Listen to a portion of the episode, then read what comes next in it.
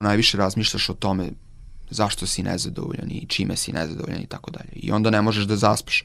To su bili mese, bukvalno meseci i meseci da ja nisam spavao ništa ili jako malo.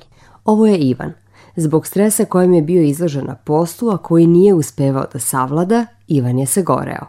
Ako ste nezadovoljni, iscrpljeni, ne možete da zaspite i niste efikasni na poslu, velika je šansa da ste sagoreli. Lek za to stanje tražimo u opšti praksi. Dobrodošli.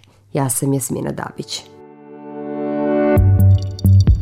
Pa već na prvom poslu koji je bio, što bi se reklo, unutar struke, ja sam diplomirani pravnik, uh, sam shvatio da imam dosta nizak prag tolerancije na, na, na stres. To znači da se Ivan teško nosi sa stresom i da o stresnim situacijama kojima je izložen na poslu razmišlja i van radnog vremena. Pošto je bio onako prilično činovnički posao koji je podrazumevao rad na predmetima i stalno radno vreme i slično, ovaj, primetio sam da, su, da sam se zaista zasitio i da je to postalo praktično neko otaljavanje, bez elemenata neke kreativnosti. Zbog toga je Ivan u većem riziku od sagorevanja koji Svetska zdravstvena organizacija opisuje kao sindrom proizašao iz hroničnog stresa na poslu koji nije uspešno savladan.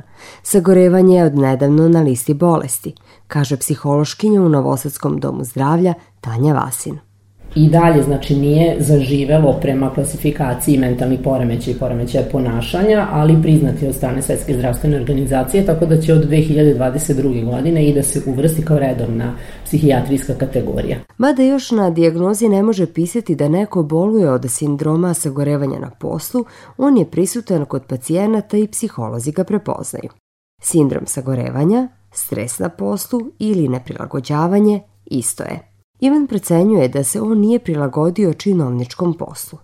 Veruje da je zbog stalnog nezadovoljstva za njega najbolje da promeni posao. Dakle, onog momenta kada sam osetio da ne mogu da doprinesem nečim novim, nečim što je samo moje, a to je ta neka jel, kreativnost, pa makar i u pravu, ovaj, to više nije za mene. Pošto mu činovnički posao ne pruža ono što mu je najvažnije, Ivan počinje da se bavi novinarstvom. U novinarstvu će, veruje on, do izražaja doći njegova kreativnost kojom je obdaren. Promenom posla nije rešio problem, jer je njegova kreativnost i dalje sputana. Sagorevanje se gomila. Odmah, odmah krene pad imuniteta, to, to je ono s, s, sa sigurnošću mogu da kažem. Dakle, slabije jedem, uh, svaki virus ili grip koji prođe kroz grad me uh, zakači. Kači ga zato što se akumulira taj stres i kada je radni dan nenaporan, Ivan sa posla odlazi s glavoboljom. Uveče je, kaže, još gore. Čovjek kada, bar u mom slučaju, kada legne i proba da spava, uh, onda najviše promišlja i ono što, što kažu da upotrebim englesku reč, overtinkuje. I u tim trenucima ovaj, zapravo najviše razmišljaš o tome zašto si nezadovoljan i čime si nezadovoljan i tako dalje. I onda ne možeš da zaspaš. Na poslu najčešće se gorevaju ljudi koji mrze posao koji rade. Ivan kaže da nikada nije mrzeo svoj posao, a ipak je se goreo. Njegovi poslovi nisu bili ni zahtevni. Tamo gde je radio, Ivanovi potencijali nisu bili iskorišćeni niti uvaženi. Niko nije doživljavao da može više. To je takođe okidač za sindrom sagorevanja, otkriva psihološkinja iz tim centra Danka Đukanović. Da mi prepoznajemo da su naše kapaciteti, da su naše mogućnosti mnogo možda prevazilaze ono što su naše zapravo radni zadaci. Evo, I to naravno može biti izvor našeg stresa. Ivana prati osjećaj beznađa. On postaje nesiguran u sebe.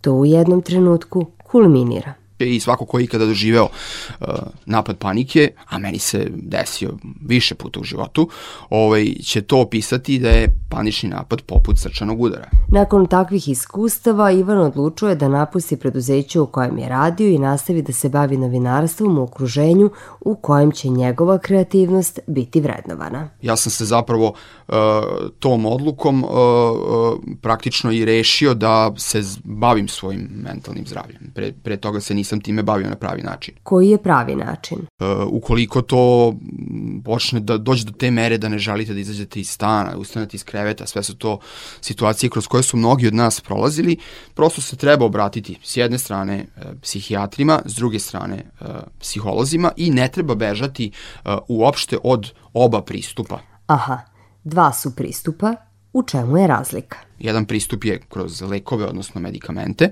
a drugi pristup je kroz različite vrste uh, psihoanalize i sličnih, ovaj, sličnih terapija. Psihološkinja Tanja Vasin iz Novosadskog doma zdravlja objašnjava da sagorevanje na radnom mestu ima tri faze. Prva je suočavanje sa realnošću, gde uočavate da nije sve savršeno. Da čovek radi, tu je energija postoji, ali nikako sa onim žarom kako je to nekada bilo i već čovek negde preispituje e, tu realnost, prizemljuje se u neku ruku. Druga faza je faza frustracije.